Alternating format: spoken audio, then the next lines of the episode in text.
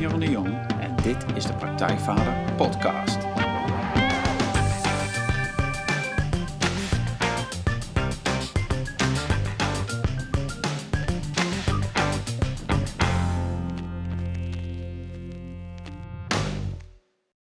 Welkom bij een nieuwe aflevering van de Praktijkvader Podcast. Jeroen hier en goed dat je weer luistert. Zoals elke aflevering interview ik een inspirerende gast die jou verder gaat helpen bij de volgende stap in je vaderschap. Ik vraag schrijvers, coaches, wetenschappers, kunstenaars naar hun vak, hun ervaringen, hun tips en trucs over hoe jij met meer ontspanning en plezier de vader kunt zijn die je je kinderen en jezelf gunt. En vandaag is avonturier, arts en trainer Raymond Landgraaf de gast. Welkom in de podcast, Raymond. Dankjewel. Ja, Raymond, uh, Raymond Landgraaf is arts, trainer, acupuncturist en leider van Back to Basics expedities.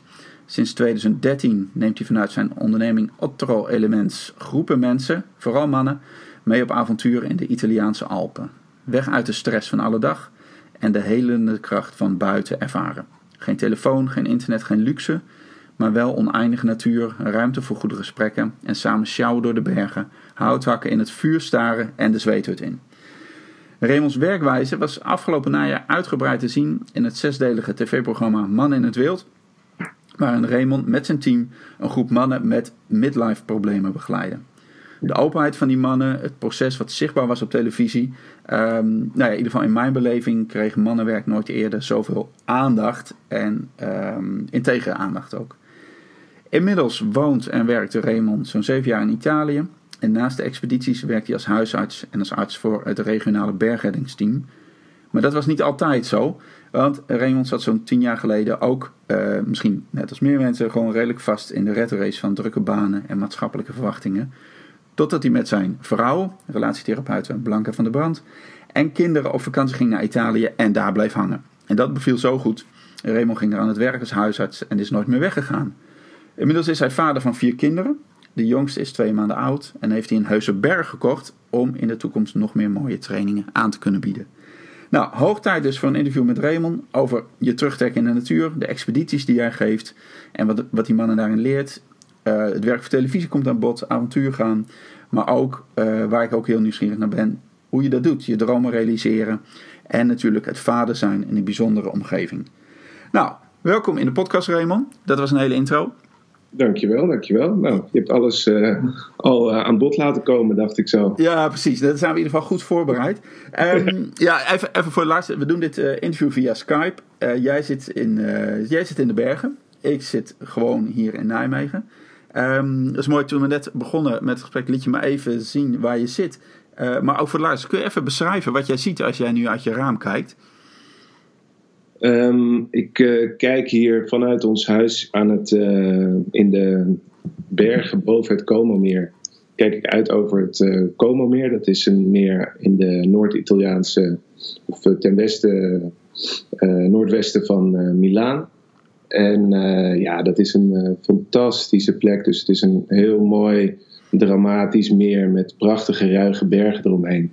En we wonen hier ja, zo'n 400 meter boven het meer in het bos met uh, voornamelijk uh, wilde zwijnen en, uh, en herten om ons heen. Die, die, die het huis s s'nachts bewaken, maar ook wel eens binnenstormen om, om hun eigen wintervoorraad aan te vullen. Oh, serieus? Je hebt af en toe een zwijn in huis? Ja, ja, ja. ja nou, we, we, hebben echt een heel goed hek eromheen gedaan, omdat ik hier ook mijn eigen moestuin heb en we eten zoveel mogelijk van het land. Ik had voor het eerst dit jaar had ik uh, mais uh, geplant. En dat ging zo ontzettend goed. Dus er was zo'n ontzettend mooie mais, ma mooi maisveld uh, was er opgekomen. Ja. En ehm, uiteindelijk stond ik op punt om te gaan oogsten. En in één keer zegt mijn vrouw s'nachts van... Wat is dat joh, wat hoor ik? Het lijkt wel alsof ze feest hebben. Het was echt stromende regen. En er zaten echt een stuk of 10, 15 uh, van die grote wilde zwijnen zaten echt met die, waren met die mais aan het overgooien en het opeten. En het was één groot slagveld. Dus ik rende echt ja. in, uh, in mijn in mijn pyjama naar buiten met, uh, met een grote hooivork om die beesten uit de tuin te jagen. Dus dat was een redelijk een redelijk mooie scène, zeg maar. Ja, dus ja precies. Dat, en dat is je ook gelukt om ze, om ze weg te ja, jagen. Ja, wel. Dus ik voelde me echt zo'n... zo'n uh, terwijl ik natuurlijk helemaal niet afhankelijk ben van mijn uh, zeg maar om een gezin te voeden van, van deze voeding. Maar, dus het is meer een hobby en, en heel leuk om te doen. Maar ik voelde me echt zo'n Afrikaanse boer die in één keer gewoon waar zijn hele oogst werd verwoest. En dat je daar echt zo staat. Ik stond echt met tranen in de ogen. En, nee, mijn ja. Ja, ja, ja, precies. Ja, ja dat, is een, dat is al je werk wat dan nou ja, niet in rook opgaat, maar wel... Um, ja, er was waarschijnlijk niet veel meer van over. Eentje hadden ze erachter gelaten. Ja, oh mooi. Ja. De stress van het uh, wilde dier. Dus, toen, dus dan probeer ze uit te jagen. De beesten zijn best wel gevaarlijk. Maar uiteindelijk dan rennen ze links naar rechts en pro probeerden ze de uitgang te vinden. Want het was, ik heb gewoon een goed hek. Maar uiteindelijk zijn ze wel allemaal uitgegaan. Maar dat was wel even een, uh, een mooi moment. Maar dat is een beetje onze setting. Dus ja. met wilde dieren om ons heen. En uitkijkend over mooi kerkje en een, uh, en, een wijds, uh, wijds meer. Ja, fantastisch. Hey, en, en hoe is het nu met je? Want um, je bent net vader geworden van, van jullie vierde kindje. Um, hoe ziet je leven er nu uit? Want hoe doe je dat? Is, is, nou ja, ik weet niet of het druk is, maar van, um, ja, hoe gaat dat nu zo'n beetje? Nou ja, weer uh, neus in de luiers en uh, slapeloze nachten. Dus dat is uh, een korte samenvatting. Maar we hebben, we, hebben, we zijn eigenlijk continu zijn we wel op zoek om een goede work-life balance te creëren. En, uh, en dat is niet een soort van één ding wat je dan vervolgens de rest van je leven natuurlijk kan aanhouden, maar dat past zich gewoon continu aan. En, dat, en dat ook dus nu met de komst van de vierde, want het is toch wel eventjes weer een, een uh, even opschakelen als er een, een vierde kind bij komt. Mm -hmm. um, en dat gaat, vind ik eigenlijk heel erg goed. Dus het is, onze oudste is tien en een meisje Baudelot van tien. En dan hebben we een, een jongetje Quintijn van negen. En Madali is zes. En nu IJsbrand van twee maanden. Dus uh, ja, het is heel mooi om te zien dat met kinderen die al ietsje ouder zijn, die zijn heel bewust al van, van zijn aanwezigheid en zijn heel bewust ook bezig geweest met de hele zwangerschap. En ook nu met zijn komst is het gewoon een groot warm welkom. En uh, zijn ze naast het feit dat ze ook nog steeds heel veel zorg behoeven en kinderen zijn, uh, zijn ze ook heel erg uh, helpende handen. Zijn, zijn het heel erg helpende ja. handen. Ja, mooi. Hey, ja, en, en ik ben benieuwd van, je, je zei hè, over die work-life balance. Van, um, ik las trouwens pas in de onderzoek, misschien leuk voor jou om te weten, dat de ouders met vier kinderen de meest relaxte ouders zijn die er zijn. Dus dat uh, ja, heeft iets te maken met, met. Volgens mij had het iets te maken met dat je, um, dat je elke illusie van controle dan, dan op hebt gegeven, zeg maar. Dus dat, uh, dat, je, dat je niet meer druk maakt. Nee. Um, maar, um, ja, maar die, die work-life balance, hè, van, van, ja, voor zover dat bestaat, zeg maar. Maar is dat ja, je hebt een ander leven dan de meeste mensen, maar, maar hoe, doe je, hoe doen jullie dat daar in het, uh, in het, in het buitenland, zeg in Italië? Van, van hoe, met school, is dat in de buurt? Of, of ja, hoe, hoe regel je dat allemaal? Ja. Nou, om een, uh, de, het begrip work-life balance is natuurlijk een heel interessant uh, begrip. En mijn uh, bevriende berggids, inmiddels 64-jarige uh, vriend Seppi, die met alle expedities met ons meegaat in de bergen. Daar had ik in het begin van onze vriendschap eh, gesprekken mee. En die man die, die gaat maar door, gewoon van ochtends vroeg tot avonds laat. Maar daar, daar bestaat dus ook geen verschil tussen werk en leven. Ja, dus, precies. Ja. En, en dat, dat is eigenlijk voor mij de grootste les toen geweest in ons gesprek toen. Van, hij ziet zijn, zijn werk en leven is niet een gescheiden ding. En wij zijn in Nederland natuurlijk heel erg gewend om die dingen heel erg van elkaar te scheiden. Net als dat we lichaam en geest van elkaar proberen te scheiden, maar werk en leven. Uh, ja, ben ik sindsdien ook niet meer als een gescheiden iets gaan zien, maar ben ik gaan zien als activiteiten en, en ontspanningsmomenten die je in je leven hebt, die gerelateerd zijn aan uh, iets wat je heel graag doet en waar je passie is. Um, en als je, dat, als je dat zo invult, dan, uh, ja, dan kan je ook niet heel makkelijk daar over, over die grenzen heen gaan. Natuurlijk kan dat wel, maar uh, als je daar de juiste balans in vindt, in, uh, En vooral dat de basis van al je activiteiten dingen zijn waar je zelf ook heel erg blij van wordt. Ja. Dan, dan is dat sowieso, is dat een, vind je daar een mooie balans in. En dat is eigenlijk wat wij de laatste jaren, vooral daarvoor ook wel, maar veel bewuster sinds we in Italië wonen, hebben we dat heel erg geïntegreerd in ons leven. Ja, ja mooi. Want, want hoe ben je daar terecht gekomen? Want um, ik, ik, ik, las een interview, en volgens mij was het een interview met, met je vrouw, met, met Blanca, dat jullie eigenlijk van plan waren om naar Nieuw-Zeeland te gaan, maar dat jullie tijdens vakantie in Italië waren, net daarvoor, en dat toen alle plannen zijn omgegooid. Is klopt dat een beetje? Of? Ja, ja, dat klopt. Dus ja. Uh, je goed. ja, nee, oké. Okay, ja. Nou, het, het, het, klonk ook het klonk als een mooi verhaal, maar ja, vertel maar. Ja. Uh, nee, wij zijn uh, in, dat was in 2012, toen, ja, als ik die tijd beschrijf, toen zat ik wel echt in een red race in, uh, in, in, mijn leven. Um, en ik denk vooral was het druk omdat we er heel veel verandering kwamen. We, we hadden inmiddels een, onze oudste dochter en onze zoon was net geboren. Ik was mijn huisartsopleiding aan het, aan het afronden.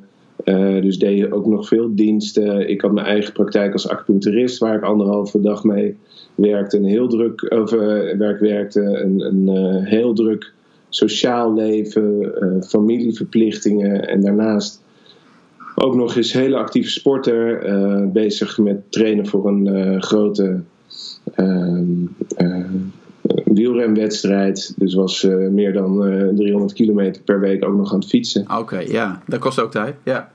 Dus al bij al uh, was er eigenlijk helemaal geen echt tijd meer over. Maar het was vooral de, de balans heel erg zoeken. En toen was ik in de praktijk als, uh, als acupuncturist en ook als huisarts kreeg ik ontzettend veel burn-out patiënten op mijn spreekuur. En uh, tijdens mijn opleiding had ik daar eigenlijk heel erg weinig over geleerd. Dus ik dacht, oh shit, dat weet ik allemaal niet. En als, als dokter wil je natuurlijk alles goed doen en wil je alles perfect doen en wil je alles, alles weten, want je moet met pasklare antwoorden komen. En ik zat daar en ik dacht, oh, dan ga ik ook nog even wat boeken lezen over burn-out en dingen. En, en, een ontzettende studie daarnaast weer gedaan om, om met goede tips te komen voor die mensen die allemaal op mijn spreekuur kwamen. Maar er waren er wel erg veel, want normaal heb je wel een goede balans tussen burn-out en, en mensen met een snotneus. Maar dit was, was toch wel uh, erg veel richting burn-out. En ik zat ze allemaal tips te geven. Ja, en, uh, je, je, je, hart volgen en je passie. En neem rust en stapje terug, gas terugnemen. Nou, noem maar op. Gewoon alle uh, banale tips voor mensen die er eventjes doorzitten. En toen dacht ik van ja, maar op een gegeven moment dacht ik echt van wat, wat, wat komen die mensen mij nou vertellen? Want volgens mij zit het bij mezelf helemaal niet in balans. En uh, ook, ook uh, met Blanca hadden we echt, met mijn vrouw Blanca hadden we echt zoiets van ja, maar we, we zijn zo ontzettend aan het rennen. En helemaal niet meer aan het genieten. Ja.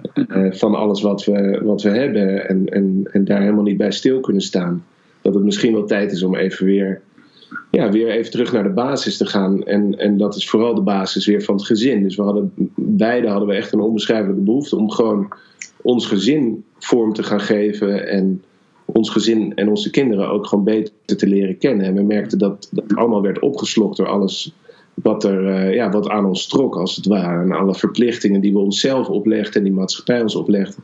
En daar wilden we even, ja, even uit.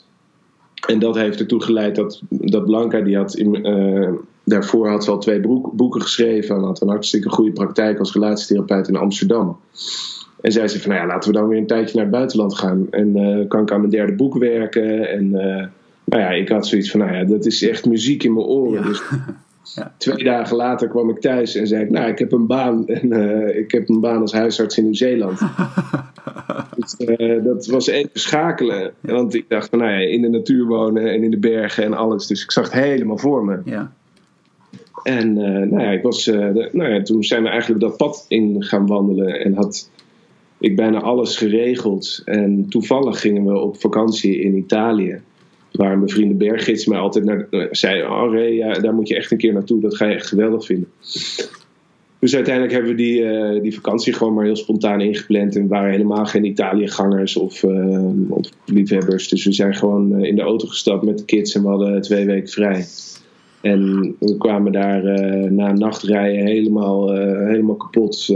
reden we die vallei in. En ik zei tegen Blank van nou ja, ik, ik heb alleen die test nog te doen en moet de tickets nog boeken. En dan kunnen we gaan. En toen zei ze, nou ja, maar stiekem vind ik het wel een beetje ver, dat Nieuw-Zeeland. Want ja, ja.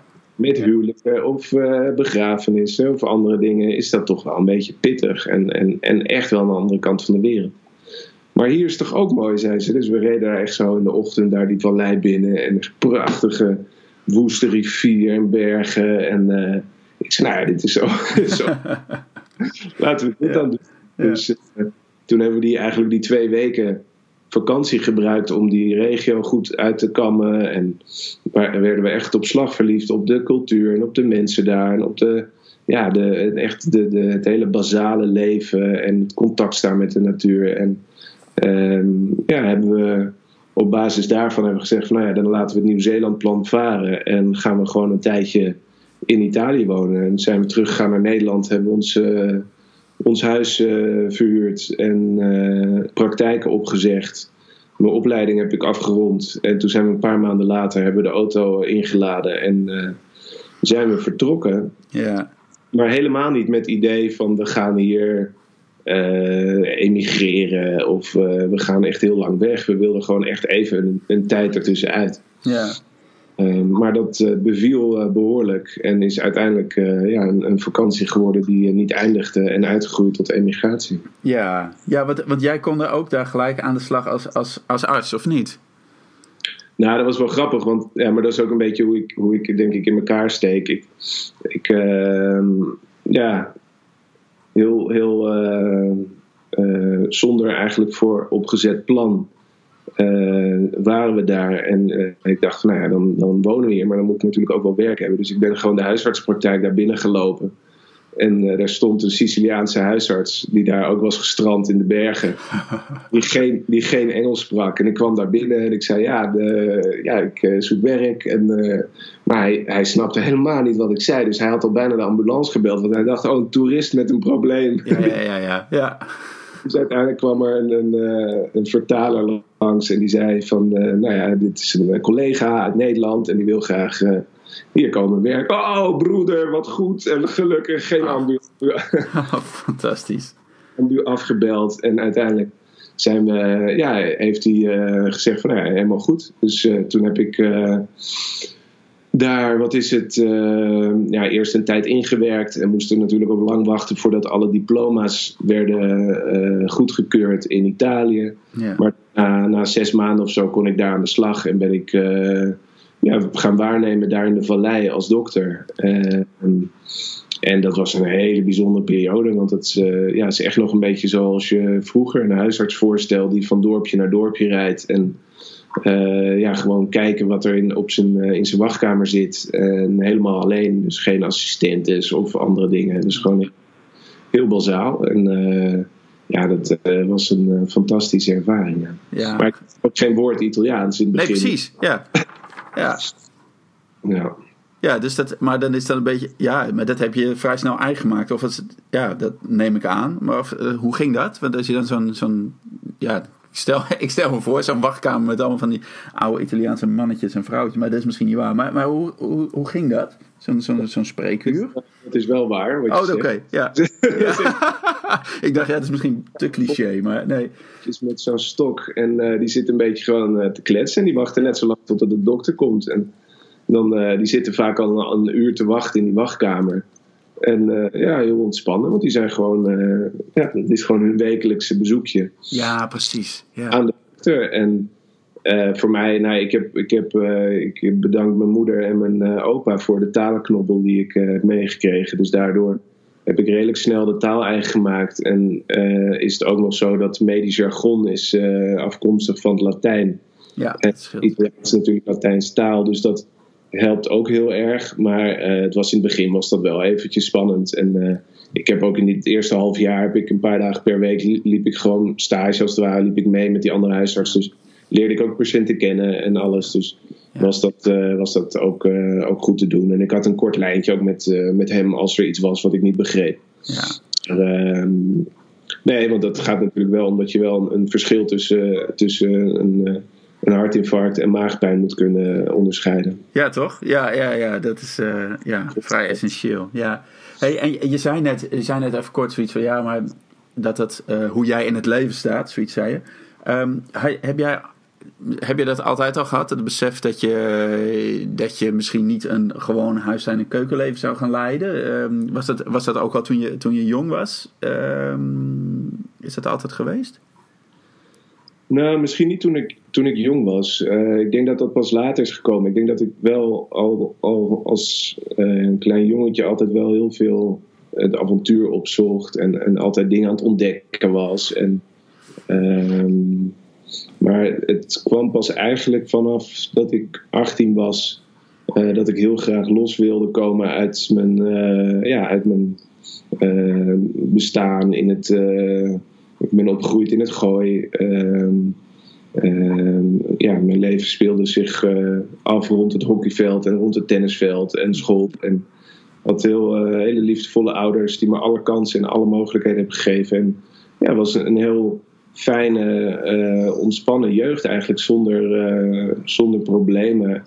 En, maar ik voelde wel ergens van, hé, hey, er mist iets. En, en uh, dit, dit is, ik, ik wil hieruit of zo. Ik wil ja. de wereld leren kennen. En ja. helemaal, helemaal, niet zozeer als anti-reactie van dit is slecht, maar wel van, hé, hey, er is nog meer. Ja. want ik ben mijn, mijn ouders heel erg dankbaar voor alles wat ze mij hebben gegeven en, en alle mogelijkheden die ik heb gehad.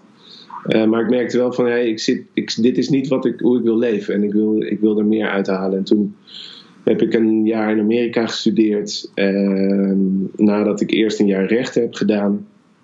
En uh, toen in Amerika heb ik ja, een, fantastisch jaar gehad. En aan het einde van het jaar, dat is eigenlijk een beetje het hoogtepunt, heb ik een maand lang in de bergen een, ja, een, soort, een soort expeditie gedaan. Een leiderschap trail. Ehm, back to basic, met helemaal niks. En ja, dat was zo life-changing voor mij. En daar heb ik tijdens die expeditie heb ik een, uh, een, een blikseminslag gehad. Serieus? Oh, ja, zo. Boven, boven op een berg. En was, ja. ik, ja, was ik bijna een verkoold stokje geweest. Ja. Um, maar wonder boven wonder heb ik dat overleefd. En ik denk dat die, dat moment is wel een soort van echt enorme wake-up call voor mij geweest. Dat, dat uh, ik zo dicht toen bij de dood stond en echt dacht van dit is... Uh, ja, er zit zo ontzettend veel in het leven en we kunnen er zo ontzettend veel uithalen. En doe ik dat eigenlijk? En ben ik eigenlijk alles wat ik zou willen aan het, aan het naleven en alles wat ik droom aan het doen. En uh, waar, waardoor word ik geleid? Word ik geleid door mijn, door mijn angsten en onzekerheden? Of, of, of wil ik ja, een leven leiden wat, um, ja, wat echt vanuit mijn passies en mijn drijfveren wordt gevoed? Ja, precies. Hey, maar, maar hoe voelt dat, zo'n blikseminslag? Want dat, dat, ja. ja. Ja, dat kan ik voor. Dat voelt niet fijn. Nee, nee, nee. nee ja, kun je dat omschrijven? Of, of, ja, we stonden op, in de vroege ochtend hadden we een berg beklommen en het was gewoon strak blauwe hemel. En wij, uh, uh, ik stond bovenaan met de gids om uh, anderen dat laatste stuk met touwen naar boven te laten klimmen. En op dat moment was het echt van het een op het andere moment sloeg, de weer, sloeg het weer om en kwam er, nou ik weet niet, in, in een hoog tempo zaten we in een, kwam er een, een donderswolk aan. En uh, ja, voor het wist sloeg de bliksem in, maar echt keihard. Dus het was echt alsof de, alsof de aarde splijt, zo'n geluid. En, en, en uh, nou ja, mijn touw vloog uit mijn handen. En die mannen die ik aan de touw had, die vlogen 10 meter naar beneden. En een rots van, rotswand van, van 50 meter. Uh, en, en 1500 meter afgrond. Dus die kon ik net nog in een nanoseconde daarna kon ik die nog pakken. Waardoor iedereen het uiteindelijk wel heeft overleefd. En, uh, en toen zaten we eigenlijk in een. In een dus die, die inslag die hebben we overleefd, omdat die echt net naast ons insloeg. Ja. Maar ik zat gewoon in een, in een stroomveld. dus ja. het was gewoon het enige wat je hoorde was. Ja, ja. Bizar alles wat, je, wat ik op me had, een ketting en een, een, een, een helm, dat, wat van metaal was, dat brandde echt in je huid. Dus dat meteen af. En toen hebben we gewoon die andere zo snel mogelijk naar beneden laten, laten afzeilen. En ben ik daarna, nou ja, stonden we daar boven op die top. En ben ik naar beneden, heb ik een soort van, normaal moet je een hele chique dubbele knoop met zekering en zo. Ik heb gewoon één soort van uh, huistuin- en keukenknoop. En toen ben ik als een soort commando ben ik in drie sprongen die 50 meter afgesprongen naar beneden. Ja, maar je moest naar beneden natuurlijk. Je moest van de punt ja, af. Ja, Naar beneden. Dus die gids heeft mij naar beneden laten gaan. En die is daarna ook naar beneden gegaan. En toen stonden we daar onderaan naar boven te kijken. En was nog steeds een uh, soort donderwolk. En toen kwam er boven op die top in één keer zo'n bergmarmot uit zo'n holletje van... Hé, hey, wat is dit uh, voor uh, promotie? Ja. En dus iedereen moest lachen. En dat ja. was echt een geniaal relativeringsmomentje. Van uh, wat, wat, doen jullie hier echt? Want dit is echt helemaal niet de plek waar, waar jullie nee. moeten zijn op dit moment. Maar uh, nou ja, en toen was het. Was het uh, en, en, tijdens die, die paar minuten, zeg maar, dat, totdat, we, totdat ik in veiligheid was, dan, ja, dan krijg je echt zo'n hele flits van je hele leven voorbij. Dus. En het was niet een, een bijna doodervaring die mensen echt hebben dat ze gewoon bijna doodgaan. Dus dit was meer een, een soort van extreem gevoel van dit kan elk moment kan het nu weer inslaan en dan is het echt klaar. Ja. ja. Want wij zijn gewoon het hoogste punt op de berg.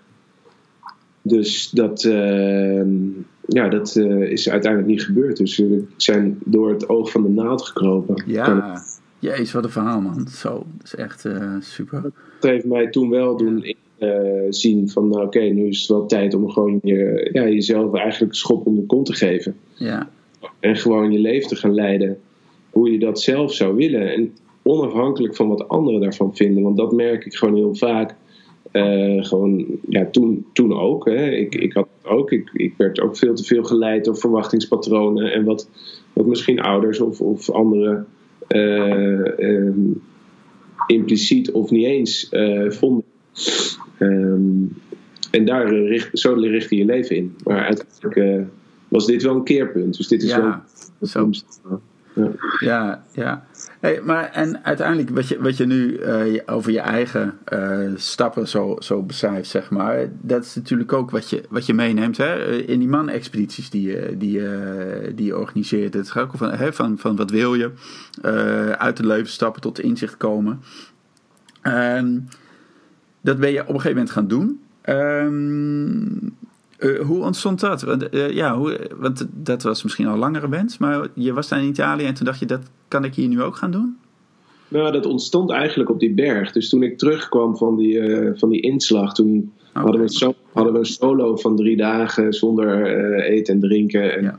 was het eigenlijk de, moest je een brief schrijven aan jezelf en vertellen van wat is nou je diepste wens en ja, hoe sta je ervoor in het leven? En ja, echt een beetje existentiële levensvragen werden, mocht je beantwoorden in een, uh, in een schrijf aan jezelf. En uh, nou ja, dat, daaruit ontstond eigenlijk een droom om eigenlijk later, uh, later als ik groot ben, om een soort van wilderness school, om een soort gelijk iets wat ik daar heb, had ervaren, om dat ook met anderen te gaan delen. Ja.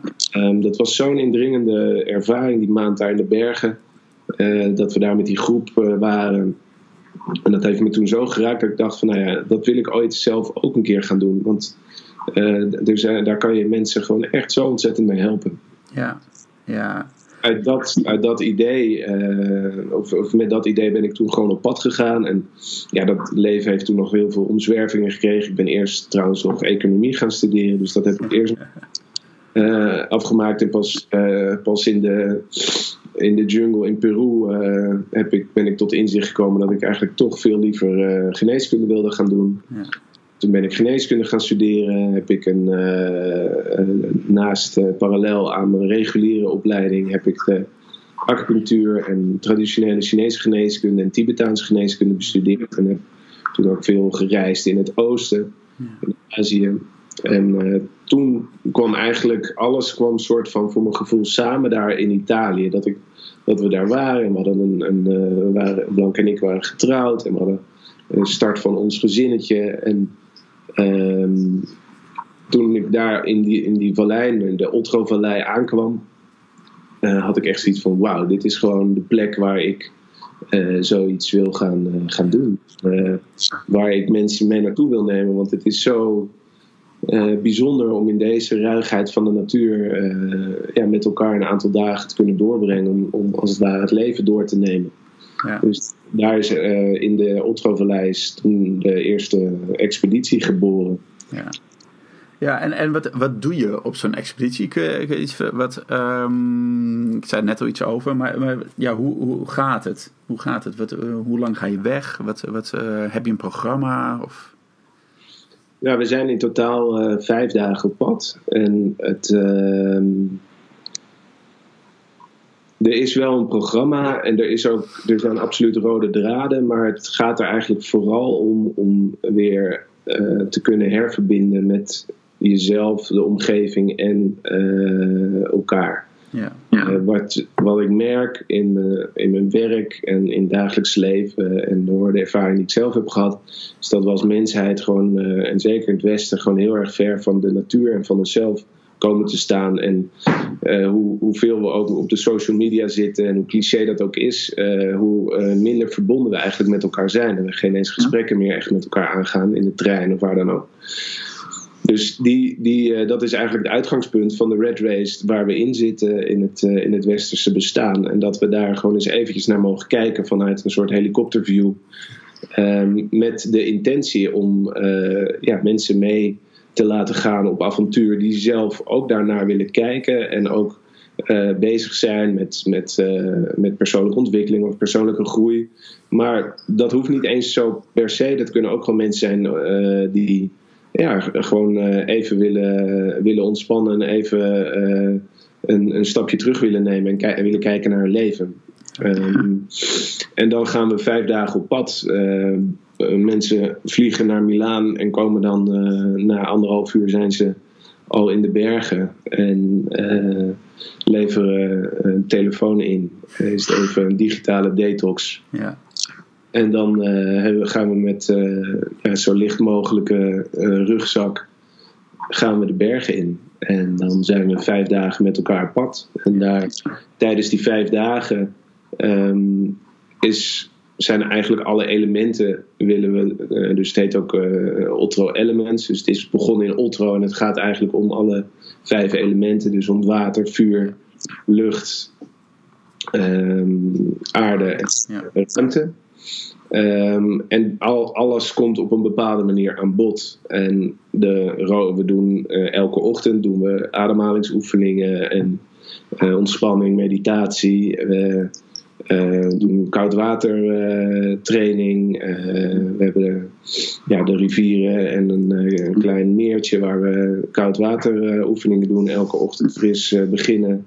En vervolgens ja, is het vooral in een soort van hele ontspannen manier uh, gesprekken met elkaar aanknopen en kijken vanuit ook uh, ja, waar we wat, wat mensen eigenlijk die berg opbrengt. Want het is altijd, ik vraag mensen altijd om ja, met een bepaalde intentie de berg op te gaan. En wat, wat neem je mee de berg op? Wat, uh, laat je, wat, wat, wat leer je op de berg? En wat laat je vervolgens weer achter? Wat neem je mee terug naar huis? Dus dat is eigenlijk is de rode draad. Ja. En, en is, er, is er ook een soort, soort um, algemeen. Ja, is er ook een soort rode draad bij de deelnemers, zeg maar, van wat ze uiteindelijk waar ze mee komen en misschien ook waar ze weer mee weggaan? Nou, dat is heel wisselend. Dus um, we hebben groepen van. Uh, we hebben mannengroepen, uh, daar zijn we ook mee gestart. En ik heb een mannengroep gehad van tussen de 20 en de 65. Um, en ook dat is heel, heel mooi. Gemiddeld zijn het mannen tussen de, uh, tussen de 30 en de 45. Um, ehm, en daarnaast hebben we sinds een aantal jaar doen we ook uh, gemengde expedities voor mannen en vrouwen. Doen we expedities voor jongeren. Expedities voor trainers en coaches. Dus echt specifiek voor trainers en coaches om die met elkaar te laten mixen. En uh, doe ik uh, nascholingen voor artsen, huisartsen en medisch specialisten. Ja. En allemaal vanuit hetzelfde principe. Wel, uh, dan de nascholingen zijn echt wel met een oog op de accreditatie. Dus daar hebben we ook echt inhoudelijke nascholing. Ja. De expedities, dat is echt ja, hebben we dus de, ehm, laten we ons leiden door de, door de verschillende elementen en door de activiteiten die we doen. Dus we wandelen in de bergen, we hebben stiltewandelingen, we gaan in uh, bergmeren uh, zwemmen, uh, in de rivieren zwemmen. we maken eigen eten op, op het vuur. Dus het is vuurtje stoken en, en hout hakken en ja, net zo lang wachten totdat de koffie gaat pruttelen. Dus het is niet in 10 seconden klaar, maar dan ben je voordat je koffie klaar is, ben je een uur verder. Ja. En, en, daar gaat het eigenlijk heel erg om, om gewoon dat stukje vertragen. Dus even vertragen en verstillen. En vanuit die vertraging en die verstilling ontstaat er ruimte. En er staat er ruimte om te kijken naar je leven en kijken waar je mee komt en wat je eigenlijk echt wil en wat eigenlijk echt belangrijk voor je is. Ja. Ehm, en dat wordt uh, ja, nog een soort van uh, extra uh, kracht bijgezet door het zweetritueel wat we, uh, wat we standaard doen. Ja. Um, wat een heel bijzondere manier is op, uh, om, ja, om dat stuk nog, nog wat helderder te krijgen van waar je echt, voor, ja, waar je echt voor wil leven. Ja, ja mooi. Het is, goed dat je dat zegt. Het, um, het is zo grappig. Ik, ik, in mijn eigen trainingen in een aantal weekenden gebruik ik ook een zweethut. En daar ben ik zelf ook nu meer uh, ingedoken zeg in dat ritueel en uh, zelf een opleiding in gedaan. Dat is fantastisch. Um, maar kun jij zeggen wat dat voor jou betekent, zo'n zweethut? Wat, um, wat, wat, jij daar, hè, gewoon als, als, als deelnemer misschien of als begeleider, maar wat, wat, waarom is dat voor jou zo'n ritueel of, of een manier die je ook in je trainingen graag uh, inbrengt? Ja, het, het is er vanaf de eerste expeditie hebben we al de zweet het ritueel uh, gedaan. En dat was tevens ook de eerste uh, ervaring voor mij met zweet het ritueel. Dus het is, uh, ik had het daarvoor zelf nog nooit ont, ontdekt en, en, gedaan. En die, dat is sindsdien is dat er nooit meer uit geweest. Dus dat is toch een, op een bepaalde manier een beproefd, beproefd concept. En vooral omdat het uh, mij heel erg veel heeft gebracht en mij heel erg heeft geraakt. En um, dat ik ook merk dat je door uh, het ritueel um, heel erg verbonden raakt met jezelf en met de hele groep. En dat is eigenlijk het voornaamste. Dus die, die verbondenheid die je in het dagelijkse leven ja, die vaak zoek is. En dat je uh, door middel van een zweetritueel in een eigenlijk een hele korte tijd uh, kan je met een groep onbekende mensen uh, een hele sterke verbondenheid voelen. En van daaruit is ook veel uh, dieper weer het gesprek aangaan. Dus het is, voor mij is het echt een soort van snelkookpan waar je samen een, instapt. Ehm, en ja, waardoor je in een hele diepe verbondenheid met elkaar kan, kan spreken en ehm, en, elkaar op een andere manier kan leren kennen. Ja. En het geeft heel veel, uh, voor mij is zweet het ook een plek waar heel veel veiligheid is en heel veel geborgenheid is. En ik denk dat dat ook iets is wat, uh, wat ontbreekt en wat uh, daardoor mensen heel erg raakt als ze dat doen. En dat heeft mij ook heel erg geraakt. En voor mijzelf is het gewoon een, ja, een pad wat ik gaan ben gaan bewandelen van persoonlijke ontwikkeling of spiritualiteit of hoe je het dan ook wil noemen. Ja. Um, en het is elke keer ook weer anders. Dus uh, in het begin zijn er zijn van allerlei dingen bij mij in elke. Dus ik heb nu inmiddels zo'n van 30 expedities gedaan. En die hebben we ja, elke keer bij een zweet. Het komt er weer iets anders naar boven. Um, en het wordt altijd begeleid door, ja, door Ehm, door mensen die daar, eh, dus in, in het geval bij mij is het, Michael Steinau is een, is een begeleider die, die mij ja, daarin dat heeft ja, gebracht eigenlijk. Ja, mooi. Also, ik heb een keer bij Michael in de, in de zweet gezeten. Dat is echt, ja, dat is echt een mooie ervaring was dat. ja. Ehm, en, en nou, ik vind het mooi wat je zegt over de zweet. Omdat um, als, uh, heel veel mensen die denken natuurlijk in de eerste keer... oh ja, maar het is heet, het is, het is, het is, het is volhouden, het is zwaar. Maar ik vind het zo mooi hoe jij op een, een soort zachte manier... je hebt het over die geborgenheid en die veiligheid en die verbinding. En uh, dat is heel mooi. Dat, dat, ik denk dat iedereen die dat heeft gedaan, die dat wel herkent. Maar dat, is dus, dat gaat dus niet om het afzien, zeg maar. Het gaat niet om het uh, om het stuk gaan per se.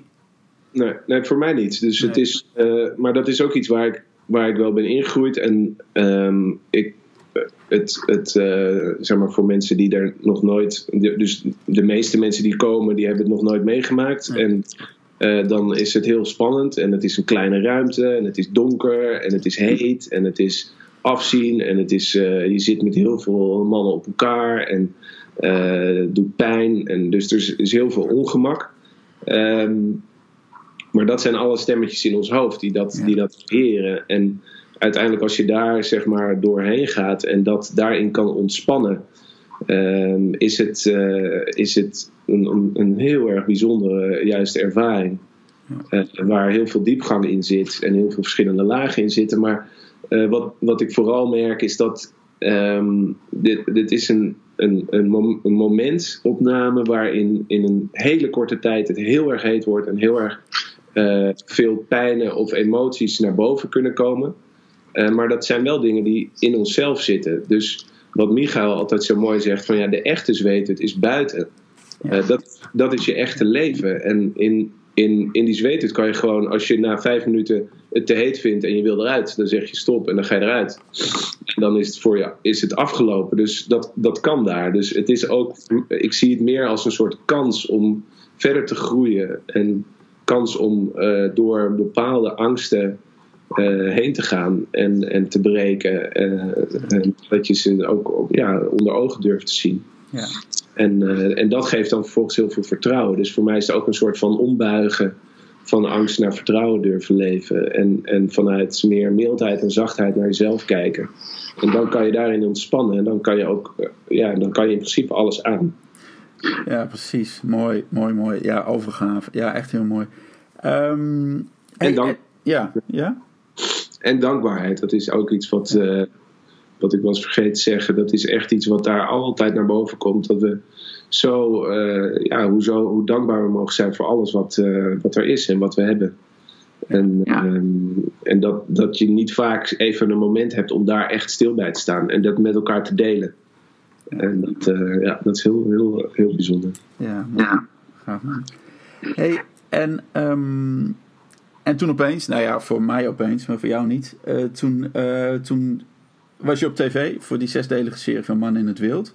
Dat is een programma wat veel heeft losgemaakt. Um, ik vond het heel mooi. Maar, en er waren heel veel mooie reacties, maar ook wat onwennige negatieve reacties. Ik ben benieuwd, um, hoe, hoe ging dat? Belde de EO jou op en uh, van... hey Raymond, zullen we een tv-programma maken? En, en, en wat was jouw... wat, wat kon jij bepalen in, in dat programma? In dat... Um... Nee, het was, was uh, inderdaad zo dat ze mij opbelden van wij uh, zitten met deze, dit idee. We willen graag mannen uh, in de midlife crisis willen we graag helpen. En we willen dat onderwerp waar nog steeds een heel groot taboe op rust, dat willen we, aan de, willen we aankaarten. En daar een programma voor opstellen. En dat in, in, in, in, in, het, in de natuur en toen kwamen we op jouw site en uh, zien dat jij expedities doet voor mannen. Dus wil jij dit met ons samen vormgeven? Ja. En uh, dat was ongeveer anderhalf jaar voordat we met het programma starten. Ja, oké. Okay. Ja.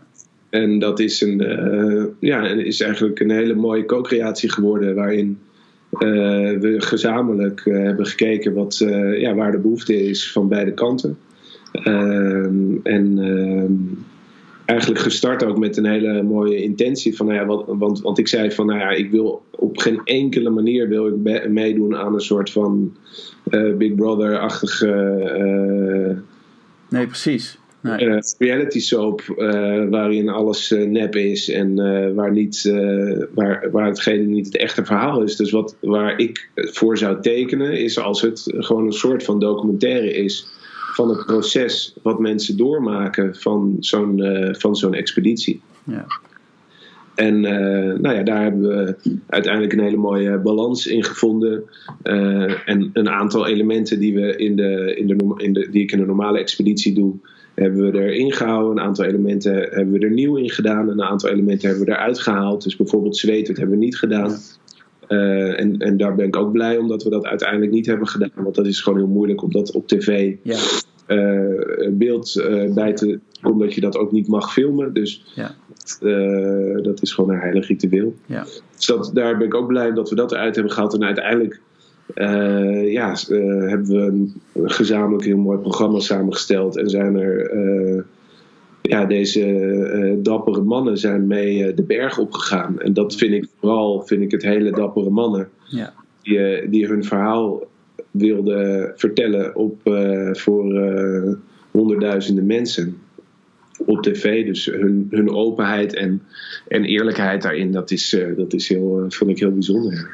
Ja, dat, dat viel me ook op. Dat, dat, dat raakte me echt. En dat, ik denk van, weet je, zoiets... Nou ja, tenminste, ik had het nooit eerder zo op tv gezien. Wat me ook veel opviel, is dat, dat, dat veel reacties... Nou ja, hè, social media is natuurlijk zo niet fijn. Maar ook tv-recensenten van niet altijd goed wisten... wat ze nou met het programma aan moesten. Ik had het idee van dat dat, dat het, het, het zien van mannen die oprecht op zoek zijn, eh, die een kwetsbare kant laten zien, die, die meer willen. Ehm, ja, je zei net wel, er zit een beetje taboe op. Hoe, hoe heb jij dat ervaren? Ook misschien toen, toen het eenmaal op tv was. Nou, ik, ik, eh, ik vond het heel mooi, op, ik vond het heel mooi op, op tv uiteindelijk te zien. Want ik heb natuurlijk in het echt meegemaakt hoe dat Ja. was. En eh, ja, dat was natuurlijk ook gewoon heel, eh, heel onwennig allemaal. Want in, normaal ben ik gewend om, om met een groep op pad te gaan. En daar is verder, zijn verder geen pottenkijkers bij. En daar kan je heel makkelijk kan je eigenlijk een, een setting creëren... waar iedereen zich heel erg veilig en, en, en vertrouwd en geborgen voelt.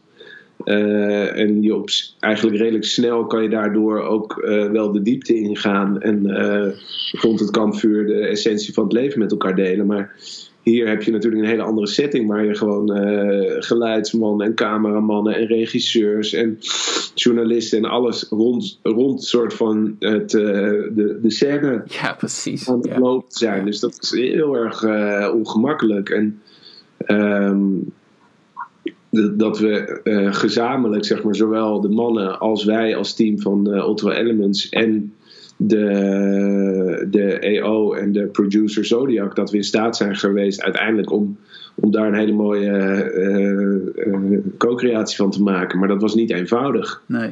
omdat je, ja, waar het mij vooral om ging, en dat heb ik ook van tevoren heb ik dat gezegd, van ja, het gaat mij vooral om, om de veiligheid van, van die mannen. En dat ze zich gewoon vertrouwd voelen. Ja. En eh, dat daar geen eh, soort van eh, misbruik van wordt gemaakt, als het ware. Ja, en. Ja. ik denk dat we daar echt in zijn geslaagd. En ook al was het moeilijk en was het voor, voor sommigen zwaar en hadden ze het niet verwacht om ja, in zo'n hele basic omgeving te moeten slapen en, en zijn. En ja, daar, daar komen gewoon heel veel ongemakken mee, mee, mee naar boven. Ook omdat ze het niet hadden verwacht. Het was voor hun ook gewoon echt een totale verrassing waar ze naartoe zouden gaan. Ja, want Dus- zij wisten niet. Kijk, normaal mensen die jou bij een expedi- expeditie bij jou aanmelden, die weten ongeveer wat ze gaan krijgen, zeg maar. Maar deze mannen wisten dat niet. Nee, dus het duurde ook best wel een hele tijd voordat we daar een soort van doorheen waren. En ook zeiden van oké, hier, we zijn gewoon hier. En dit kunnen we nu dus niet meer eh, veranderen. Nee. Eh, dus eh, dat, dat duurde even voordat we daar waren. Ja. En daardoor kwam het wat, wat langzaam op gang, vond ik zelf. Ehm, maar wat ik ook wel goed kan verklaren hierdoor. Ja. En uiteindelijk hebben we een, eh, ja, zijn we echt in een heel, heel mooi proces gegaan met die mannen. En hebben we een echt een prachtig avontuur beleefd. En hebben ze stuk voor stuk, ieder op hun manier weer, er wat aan, eh, aan gehad. En, eh, en heb ik daar in die, in die tien dagen dat we, dat we met elkaar doorbrachten, echt een hele mooie, mooie groei gezien van ons allemaal en mezelf in kluis. Want voor mij was het ook echt alle ballen hoog houden. En dan ook nog eens tussen het bedrijf door en het begeleiden van alles en iedereen mijn eigen team aansturen. Ook nog eens een soort van dan eh, slimme dingen moeten zeggen als dokter. Van nou, eh, hoe Ja, ja, ja. Hoe, hoe zit het nou, Raymond? Ja, ja, zit het nou met, Ja. wat is geluk? Ja, Ja. had je net eh, allerlei eh, mensen en, van alles moeten doen. En dan even weer snel in zo'n interviewmodus. Wat ook niet voor mij een heel natuurlijke eh, setting is. En ik hou helemaal niet van aandacht en tv. En, dus dat was nee, precies. Ja. Hey, en wat is nou, als je zo, eh, heb je een favoriet moment van, van wat je terug hebt gezien op tv? Of misschien iets wat, je, wat, wat niet eens op tv was te zien, zeg maar. Wat, wat voor jou heel mooi was of belangrijk?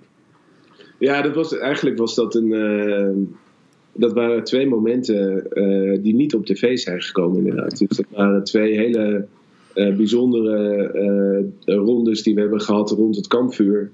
Eh, waar ze zich heel erg open hebben uitgesproken. En ehm, dat, eh, dat waren eigenlijk de hoogtepunten, ja. Waar, waar we echt gewoon ook met elkaar weer verbondenheid voelden. En daar voelde ik ook weer veel, nog meer, zeg maar, echt dat even dat Otto Elements gevoel wat ik normaal heb zonder camera daarbij. Ja, Eh, dus ik merkte wel een verschil van als we met camera erop en zonder. Dat, er was echt wel een, een, een verschil.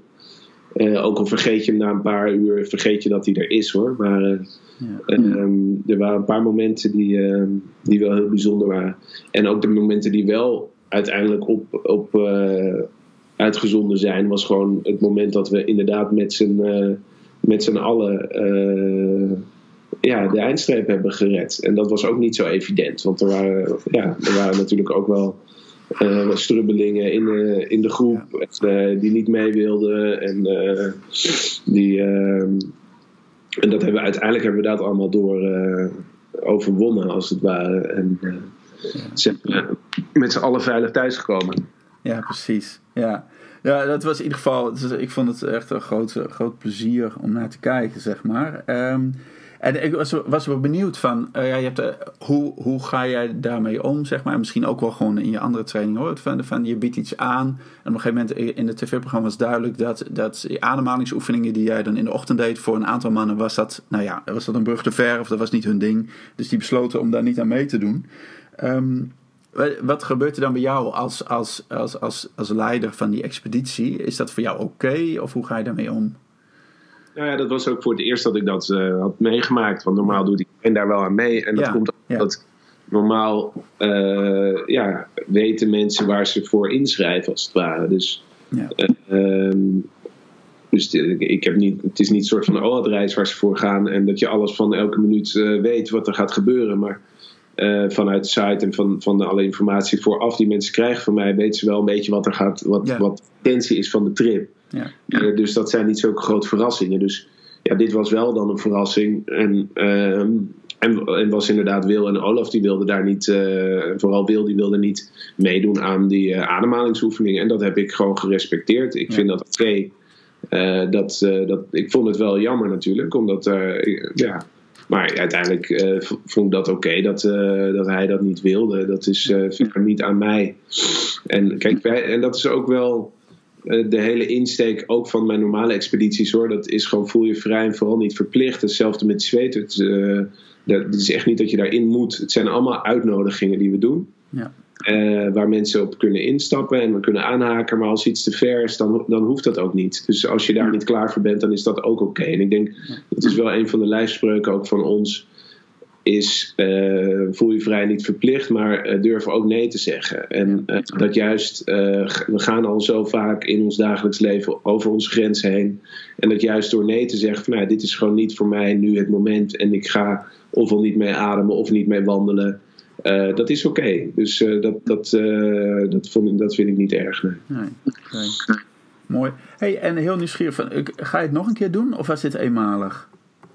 Nou, vooralsnog is het eenmalig, maar ik, ehm, ik, weet, ik, ik weet niet of ik het nog een keer zou doen hoor. Ik vond het, het was, eh, normaal kom ik na een, na een expeditie echt met volle energie eh, Ja. thuis. En nu was ik echt moe achteraf. Ja. Het is zo ontzettend inspannend. Maar uiteindelijk, ja, dus daar zou ik over na moeten denken. Als Ja, ik nog, als nog een keer vraag of als zoiets nog een keer op mijn pad komt, dan zou ik ook veel meer weten ook wat het inhoudt. Dus zou ik ook eh, nou ja, toch bepaalde dingen misschien anders doen. Ja. En, ehm, uiteindelijk ben ik heel erg blij dat we dat. Voor mij was eigenlijk de reden om het te doen, was echt van: oké, als ik nou. Normaal doen we een, een groepje van eh, zo'n eh, ja, rond de 10, eh, eh, 14 man. En dat is het dan. En hier kunnen we door middel van het verhaal van deze mannen, kunnen we heel veel andere mensen die gewoon op de bank zitten, chips eten en cola drinken, kunnen we daarmee bereiken. Ja, voor, was- Ja. voor mij was het al geslaagd als er één eh, man op de bank zou zeggen van shit, ik eh, moet mijn vader gewoon weer eens bellen en met hem op de hei gaan lopen, want ik heb hem al jaren niet gezien en waar slaat het eigenlijk op dat we deze ruzie hebben. Ja. dat is allemaal zo onbenullig. dus dan, dan was het eigenlijk voor mij al geslaagd. Dat er gewoon een klein vonkje van bewustzijn zou komen. En, en dat, is, dat is gelukt. En ik denk dat, dat, dat, dat ik daardoor wel mag terugkijken op, samen met de EO en op een heel succesvol, succesvol programma. Ja, hey, en heb je het idee van, van dat je. Dat, dat, uh, dat je een taboe hebt doorbroken, of dat jullie door het tv-programma dat, dat taboe van, van het, uh, nou ja, dat mannen, dat dit gewoon speelt, überhaupt een midlife crisis, maar dat je daar ook de stap in kunt zetten.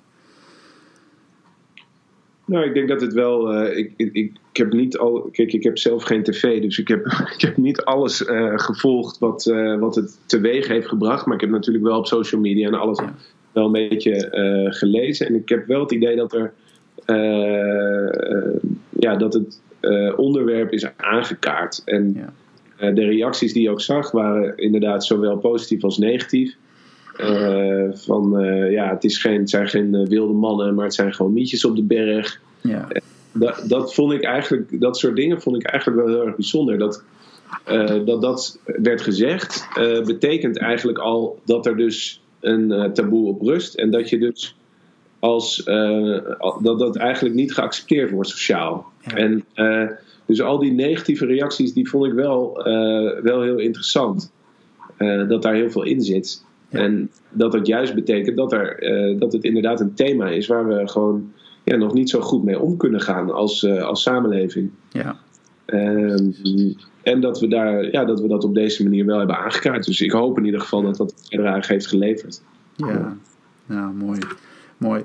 Hey, um, en dan ben, ben ik nog ook benieuwd gewoon naar jouw vaderschap. Uh, want je bent vader van vier kinderen, heb je net verteld. Um, ja, wat voor vader ben jij als je jezelf zou. Wat, wat, wat, hoe, ja, hoe zou je dat omschrijven? Nou, ik schrok gisteren wel, want ik was, gisteren was ik mijn dochter aan het ophalen bij, uh, bij een vriendinnetje. Die, die, was aan het spelen en, die, en toen zei die moeder van ja, we hadden het een beetje over je. En jij bent dus veel strenger dan je moeder, dan, okay. dan, dan, je vrouw. Dus ik zo, wow, zo, Bodelot. ja ben ik streng. Dus uh, dat was even een soort van reflectiemoment. Van uh, oké, mijn dochter vindt mij dus strenger dan mijn vrouw. Dus eh, misschien is dat ook wel zo. Dat ik in, in bepaalde dingen ben ik wel ben ik, streng en heb ik een bepaalde overtuiging over ook wel een beetje gekleurd natuurlijk vanuit mijn vak als, als dokter. Dat je gewoon dat gezondheid voor mij een heel belangrijk thema is. Dus gewoon gezond eten, gezond leven en gezonde lucht en gezonde spullen en, en zo. Dat, dat is voor mij wel echt een basis. Maar dat kan soms ook wel eens doorslaan. Dat, ja, dat als, als, als ze dan een, een plastic pop krijgen, ja, ik, ik wil dat dan liever niet. Hè? Ja, dus, Oké, ja. Ja. dus dat is zo'n ontzettende strijd al, al, al tien jaar. Dat je echt denkt van, oh jongens, wat, wat, we leven in zo'n onnatuurlijke samenleving. En ehm, vanuit liefde geven we dan kinderen uh, speelgoed, wat in China wordt geproduceerd met kinderhandjes met vergiftigd plastic. En we, we geven ze de meest vieze snoepjes die gemaakt worden van varkensbotten en noem maar op. Ja. En, en, en dan, uh, ja, dat, dat je dat zo ziet en daar dus op een bepaalde manier mee om kan gaan.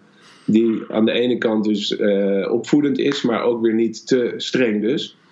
Ehm, maar ehm, ja, daar een balans in te vinden. Ik denk dat ik dus aan de ene kant wel een, een, een strenge vader kan zijn met een bepaalde overtuiging, maar daarnaast uh, vooral een hele beschikbare vader ben die uh, echt ja, vanaf de geboorte zoveel mogelijk uh, dingen met die kinderen wil ontdekken en op avontuur gaan en ehm, ja, echt het, het leven samen echt aangaan. Dus we zijn ook heel erg naast het feit dat er wel een vader- en kindrelatie is, zijn we ook allemaal wel echt vrienden met elkaar. En zijn we echt een team als gezin. En zijn we ook, ja, mijn vrouw en ik daarin heel erg in balans. Dat zij be bepaalde dingen weer veel makkelijker is en andere dingen weer veel belangrijker vindt. Kijk, ik vind dan de lichamelijke ontwikkeling weer heel belangrijk.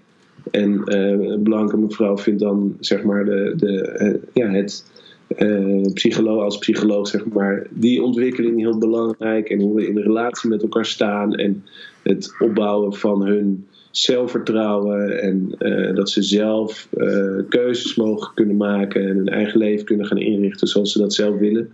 En dat ook gewoon binnen een hele veilige, liefdevolle omgeving. En, eh, ehm, nou en, en, en ik denk ook dat vaderschap voor mij is ook een, is echt een ja, ook een soort persoonlijke ontwikkeling als het ware. Want je leert daar zo ontzettend veel van. Het is al vanaf de geboorte van, van mijn eerste dochter. Dat, ja, dat je gewoon continu krijg je dingen natuurlijk gespiegeld. Dus, ja, wat, ja. Wat, wat, zijn de dingen? Zo'n voorbeeld wat jij misschien bij oh ja, film. Ja? Die, die, die strengheid. Dus ja, die werd, ja, precies. Ja. ging die echt keihard soort van, van de moeder van een vriendinnetje terug. Van oh, dus ja Terwijl ik dan ergens denk van ja, dat valt eigenlijk wel mee. En uh, zo streng ben ik toch niet. Ik ben heel relaxed en heel leuk. En we kunnen veel lachen en spelen en uh, op avontuur en noem maar op. Maar dat ze dus toch op een bepaalde manier mij ziet als een strenge vader. Ja. En uh, nou, ik had ook een, een, een strenge opa en een strenge andere. En echt, ja, mijn eigen vader is ook wel streng geweest. Dus ik denk van ja, dat wil ik toch helemaal niet. Ik wil geen strenge vader zijn. Ja, alsnog, ja. ja. Ja, maar uiteindelijk, ja, ja. Dus, is, dus misschien is dat ook een soort van wat streng voor connotatie heeft. Dat het meer gaat dat ik wel, denk ik, een vader ben met bepaalde overtuiging. En dat ik die overtuiging graag wil overbrengen op mijn kinderen. Maar dat ik zelf ook mag leren dat dat, uh, ja, dat, dat soms wat milder mag, zeg maar. Wat meer, met, gewoon meer als, ja, met wat minder oordeel of zo. ja ja mooi. Hey, en, en, en, hoe doen jullie dat uh, met, met jouw voorliefde voor de natuur? Hoe neem je je kinderen daarin mee? Ja, gewoon door natuurlijk op die berg te wonen. Dat, of tenminste, dat, dat, maar gaan, je ook, gaan jullie ook samen op pad? Of hoe doe je het? Ja, ja, zeker hoor. Dus we gaan, zeg maar, we hebben eerst dus drie jaar in Alanya gewoond. Dus dat is dat bergdorpje waar het ook vlakbij Otro is en waar we dus nu de, de onze eigen berg hebben. En waar we nu de expedities doen. Ja. Ja. Uh, dus daar gingen we, gingen we heel veel op pad. Toen waren ze ook nog wat jonger, maar dat was eigenlijk het leven in een Heidi-film. En nam, ze gingen met de skis gingen we naar school en met de slee gingen we naar school toe. En heel veel buiten en eigen ja, eigen hout maken, eigen moestuin. Uh, dus heel erg dicht contact bij de natuur. En verder, ja, je, je leeft daar zo in, in, eh, in samenwerking met de natuur. Dus dat dat ook niet anders kan. En dat leven hebben we hier eigenlijk nu in, in het Komelmeer heel erg meegenomen. Dus we hebben een, een huis bovenop de berg. Uh, met groot bos eromheen. En we, we stoken ons eigen... Dus we verwarmen ons gewoon met ons eigen hout, het eigen bos. Dus we zijn elke dag ben ik met mijn zoon en mijn dochters aan het hout hakken en vuur maken. En um, zijn dat soort zeg maar hele basale natuurlijke elementen zijn heel erg inmiddels geïntegreerd in ons leven. En we hebben moestuin waar we, ja nu staat dat even stil, maar waar we uh, zoveel mogelijk uit eten als het wilde zwijnen. Niet ja, precies. Ja, ja, ja. ja, ja. dus we proberen dat zoveel mogelijk te integreren. En ze hebben natuurlijk nu ook gewoon wat meer uh, verplichtingen als, als uh, op school en ja. huiswerk. Dus dat is ook normaal. Dus dat, dat komt daar ook bij. En um, daar, uh, ja, dat proberen we heel mooi met, met alles te stimuleren. Ik heb nu ook gewoon mijn werk als dokter waar, waar ik gewoon naartoe ga. En ja, daar proberen we toch gewoon een hele mooie balans in te vinden. Ja. Ja, hey, en het, um, stel nou, dat kan niet, maar stel dat het wel zou kunnen, dat jij, uh, dat jij terug kon gaan naar het moment dat je voor het eerst vader werd. En uh, zou je dan iets, uh, als het nou gaat om vaderschap, zou je zelf een goede raad of een advies of een tip kunnen geven? Um, en kun je voor ons even omschrijven waar je toen was, zeg maar? Dus, dus waar was je in het ziekenhuis, was je ergens anders? Hoe was dat om je kind voor het eerst, je eerste kind voor het eerst vast te houden? ja, dat is onbeschrijfelijk veel. Um, het was in de, in de badkamer in Haarlem op in ons huis. Dus uh, onze Modelot, onze eerste dochter, is tien jaar geleden in de, in de badkamer bevallen. Ja. En uh, ja, dan ligt daar gewoon zo'n zo'n hulpeloos blauw-groen, uh, bloedbesmeurd uh, hoopje. komt er, wordt er dan geboren. En ja, dat is zo'n ontzettend gelukzalig moment dat je gewoon dat iets vanuit je liefde voor, voor elkaar en, en, en ja, dat daar weer nieuw leven uit voortkomt. Dus voor mij is ook de geboorte is echt het, het leven wat voortkomt uit liefde. En ehm, ja, vanaf zo'n moment wordt niet alleen maar een kind geboren, maar worden ook ouders geboren en wordt ook een vader geboren. En uh, daar, dat realiseerde ik me wel heel sterk. Ja, dat je in één, in één keer gewoon ook een nieuwe stap in je eigen ontwikkeling maakt. Uh, waarin je uh, ja, niet meer alleen verantwoordelijk bent voor jezelf en je eigen daden, maar ook dus voornamelijk in één keer heel, veel, heel erg verantwoordelijk bent voor, ja, voor, voor die kleine. Ja, ja. En uh, ja, dat is uh, voor mij is dat vaderschap of ouderschap is toch wel het mooiste wat, uh, wat me is gegeven. Ja, ja mooi. mooi. Hey, en, en zou je zelf nog een advies of een tip kunnen geven met, met alles wat je nu weet? Je bent nu tien jaar verder, van als je op dat moment terugkijkt. nou, ik heb nergens spijt van wat, wat, wat we hebben gedaan ik uh, kijk echt terug op, uh, op een hele bijzondere tien jaar waarin we dit gezin nu aan het vormgeven zijn en waar we ook telkens weer de keuzes maken die in dienst staan voor het gezin. Um, ik denk uh, dat ik zelf, als ik mezelf een tip mag geven, mag ik, en dat, dat haakt denk ik wel een beetje in op dat op dat, op dat strengheid, uh, dat ik soms wat milder mag zijn.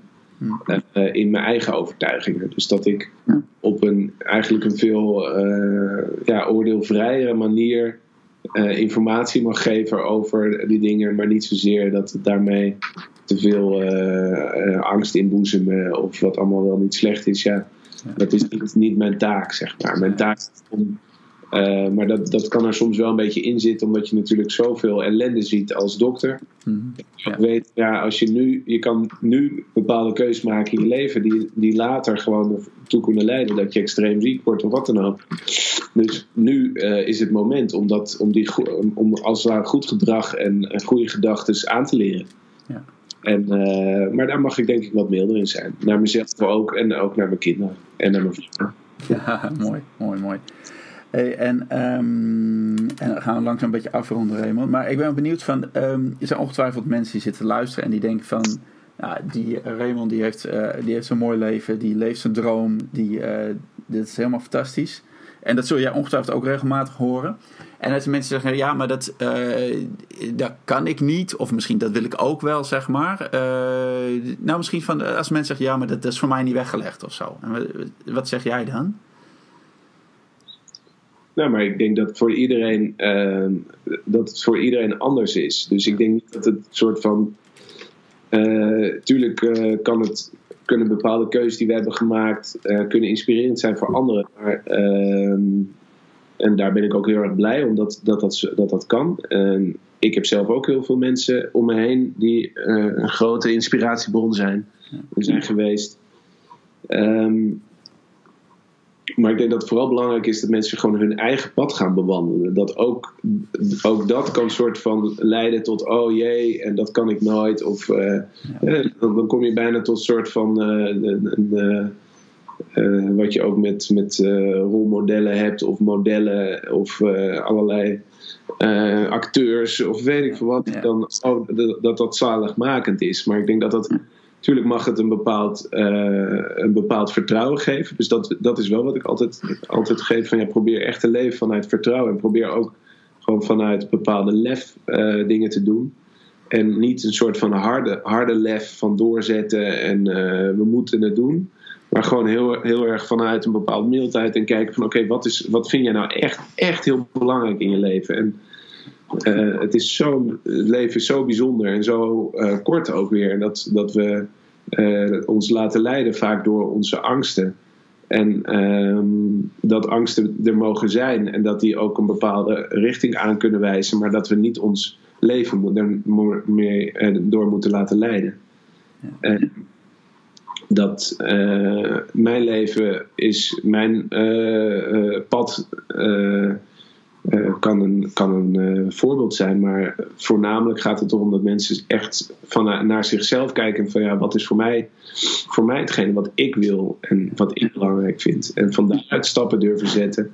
En ook vooral niet te veel willen vastzetten. Ik had gisteren met een collega arts een heel bijzonder gesprek die mij belde en zei: Oh, en zo, ik, ik, ik, weet niet zo goed wat ik, wat ik nu aan moet en wat ik moet kiezen.